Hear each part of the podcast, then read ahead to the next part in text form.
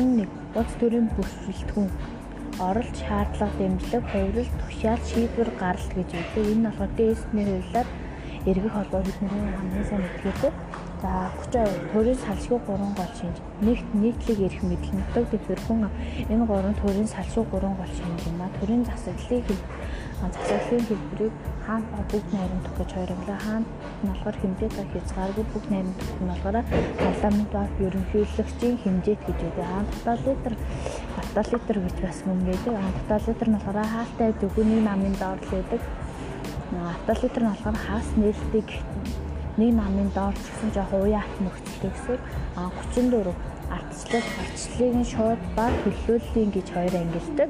Ардчлал гэдэг нь грек хэлний ард түмэн гэсэн үгнээс гаралтай ардчлалын зарчмууд гэж аа зарчмуудыг нь 5 ангилдаг.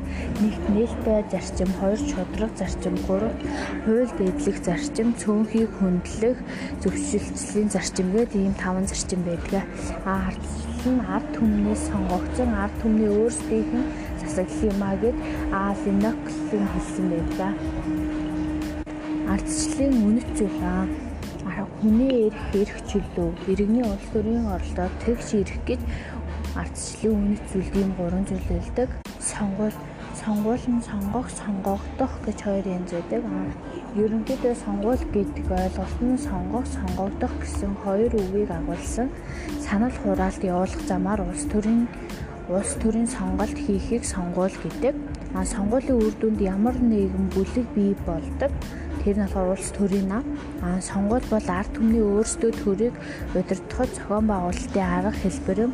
Аа сонгуулийн эрх сонгуул сонгох эрх сонгох эрх гэж хэлсэн шүү дээ. Аа сонгох эрх нь хоёр сонгох эрх нь болохоор хоёр ба түүнээс дээш нэр дэвшигч эсвэл улс төрийн намаас сонголт хийх иргэний эрх.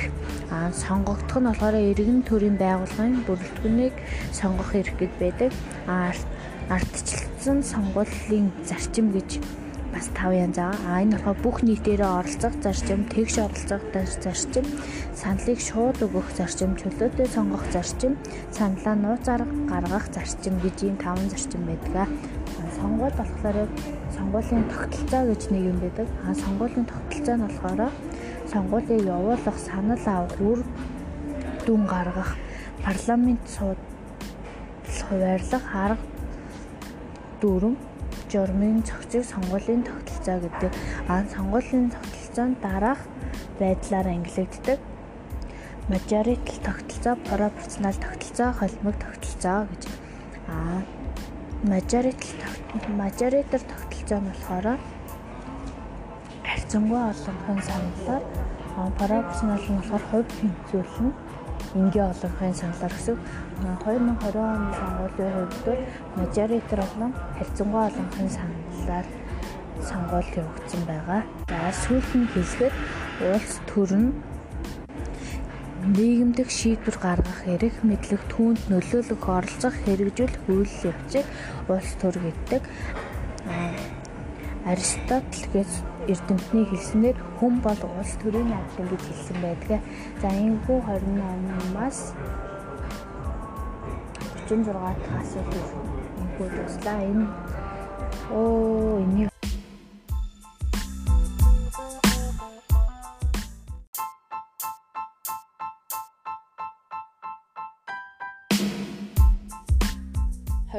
улс төрийн оролцоо Улс төр гэдэг нийгэмдэх шийдвэр гаргах эрх мэдэл түүнд нөлөөлөн оролцох хэрэгжүүлэх үйл явцыг улс төр гэдэг 29. Биш Монтескийн альва тул 3 төрлийн эрх мэдэл оршдог. Эхнийг нь хууль тогтоох эрх мэдэл бөгөөд гол субъект нь төрийн тэргүүн эсвэл байгууллага байж болно. Энэ субъект нь цаг үеийн болон байнгын хуулийг тогтоох зэрэгцээ оршин буй хуулиудыг засаж өөрчилж хүчингүй болгож байдаг. Хоёр дахь эрх мэдэл бол дайн эхний асуудлыг шийдвэрлэж элчин харилцааг илэрхийлж элч төлөөлөгчдийг илүү хүлээн авч улс орнуудын аюулгүй байдлыг ханган үйл ажиллагаанд олон улсын болон иргэний эрх зүйг удирдлага болгож байна. Гурав дахь эрх мэдэл нь гэм хэрэгтнүүдийг цээрлүүлж хувь хүмүүсийн хоорондох зөрчлийг шийдвэрлэх эрх мэдэл нь үүнийг шүүх эрх мэдэл нь хоёр дахь эрх мэдлийг гүйцэтгэх гэж нэрлэдэг. Тэдгээр эрх мэдлүүдийг тусгаарлахгүйгээр нэгийг нөгөөд нь хамааруулж хамааруулах юм уу нэгтгэж иргэдийн эрх чөлөөг тэр хязгаарлагдаж тарангуулал бий болно гэж үзэж байсан ч одоо ч ач холбогдлоо алдаагүй байна.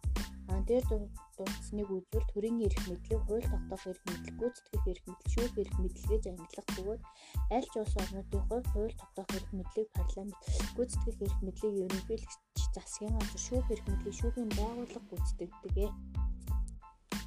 Улс төрийн сонирхлыг нэгтгэх Аа үүнийг нь гурав ангилдаг сонирхлыг илэрхийлэх, сонирхлыг нэвтрэх, сонирхлыг хэрэгжүүлэх, сонирхлыг илэрхийлэх нь болохоор төрийн бас байгууллага сонирхлын бүлгүүд олон нийтийн байгууллагууд байдаг. Аа сонирхлыг нь зөвхөн ганц намал нэгтгэдэг. Хэрэгжүүлэхэд нь болохоор төр нэгтгэгнэ. 31 улс төрийн бүрэлдэхүүн. Альва тогтолцоог оролт хуваарлал гаралт эргэх холбоо гэсэн хэсгүүдээс хэсгүүдээс бүрддэг Адил улс төрийн тогтолцооны хувьд оролт нь олон түмний шаардлага, дэмжлэг, гаралтын шийдвэр өгүүлбэр эргэх холбооноос бүрддэг. Улс төрийн тогтолцоо түүний орчинд бий бол байгаа нийгмийн том тогтолцооны хэрэгцээ байдаг.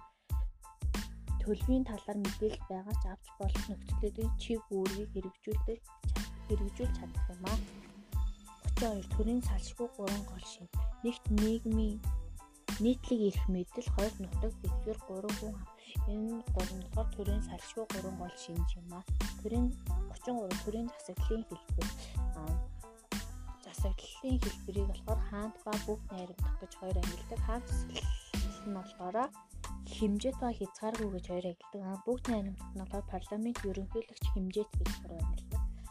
Аа мөн тоталитар, автолитар гэж хоёр юм. За тоталитар нь болохоор хаалттай буюу зөвхөн нэг намын доор нэг намын доор л явагддаг. Автолитр нь болохоор хагас нээлттэй жоох уян хат нөхцөлтэй.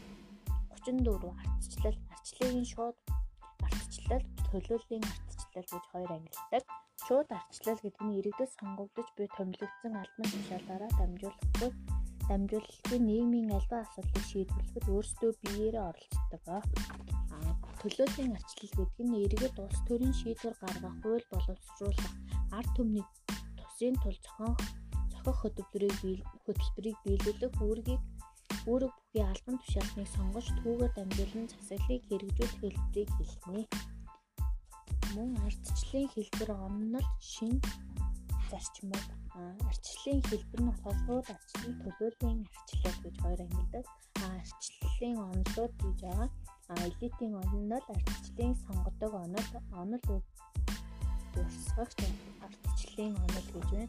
Ардчлалын шинэ зарчмууд хүн хүний эрх эрх чөлөө, иргэний улс төрийн орлого, тэгш эрхийн зарчим, чөлөө шудрах сонгуул, нийтлэг нийтэд тайлагнах ил тод байх ёс, олон намын тогтолцоо, хуулийн захирагдах ёс, иргэдийн оролцоо байна.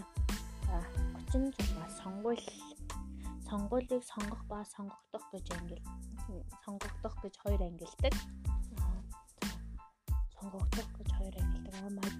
Сонгохыг мажоритар, сонгогдохыг пропорционал гэдэг. Харьцангуй олох, энгийн олох гэсэн хоёр зүйтэй. Мажорит нь мажоритар нь болохоор харьцангуй олохын санал, пропорционал болохоор энгийн олохын санал. 2020 оны сонгуулийн хувьд бол Монгол улс мажоритар болон харьцангуй олонхын саналаар сонгуулийн хийсэн байгаа. Сонгуулийн зарчим ардчлалыг арчилсан сонгуул дараах үндсэн зарчмуудыг хэрэгжүүлдэг. Нэг бүх нийтийн зарчим, хоёр чөлөө сонгох, шууд сонгох, саналаануудаар гаргах тэг ширхийн зарчим болно. Сонгуулийн үндсэн нөхцлүүд гэж бас байгаа. Тэр тэрийг болохоор гурван хэсэг хуваадаг. Сонголт сонгуулийн тогтолцоо, сонгуулийн тогтолцоо гэдэг нь өмнө өргөн утгаараа тодорхойлогдсон харин явцсан утгаар нь явцсан утгаараа бол сонгуулийн тогтолцоог иргэн хүний өгсөн санал хураалтын үр дүнд үндэслэн улс төрийн намуудад парламент суудлыг хуваарлах хуваарлах замаар төр засгаас байгуулж буй арга хэмжээг арга хэмжээ гэж ойлгож байна. Энэхүү суудлын хуваарлтыг сонгуулийн тогтолцоог majority proportional холимог гэсэн гурван хэсэг хуваадгаа. А majority гэдэг нь болохоор major гэсэн олон гэсэн утгатай англи үг аргаар сонгуульд явуулж байгаа тохиолдолд сонгогчид зөвхөн нэр дэвшсэн хүнээ л төлөө саналаа өгдөг бөгөөд өрсөлдөгчөөс хамгийн олон санал авсан нэр дэвшигсийг сонгодог сонгодог тогтолцоо юм аа. Пропорционал хувь хэмжүүл аргаар сонгуул явуулж байгаа тохиолдолд сонгогчид намын төлөө саналаа өгдөг бөгөөд сонгуулиар улс төрийн намуудад намуудын авсан саналын тоотой хувь хэмжүүлэн парламент суудлыг намуудад хуваалцдаг. Тооцоог хийхдээ сонгуулийн хэмжээс буюу босго тогтоо гаргах хэрэгэлдэг. Босго сонгогчдын тооноос хамааралгүй тойрог бүрт янз бүр байхад эсвэл улсын хэмжээний адил байхад тогтолцоодгоо. Мажоритарын давуу тал нь хоёр буюу хүчтэй цөөн намын систем төлөвлөхөд илүү нөлөөлдөг. Пропорционал пропорционал нь болохоор олон намын системээр парламент засаглал төлөв төлөвшлөхөд төлөвлөхөд эрэг нөлөөтэй. Аа ингээд сонгуульс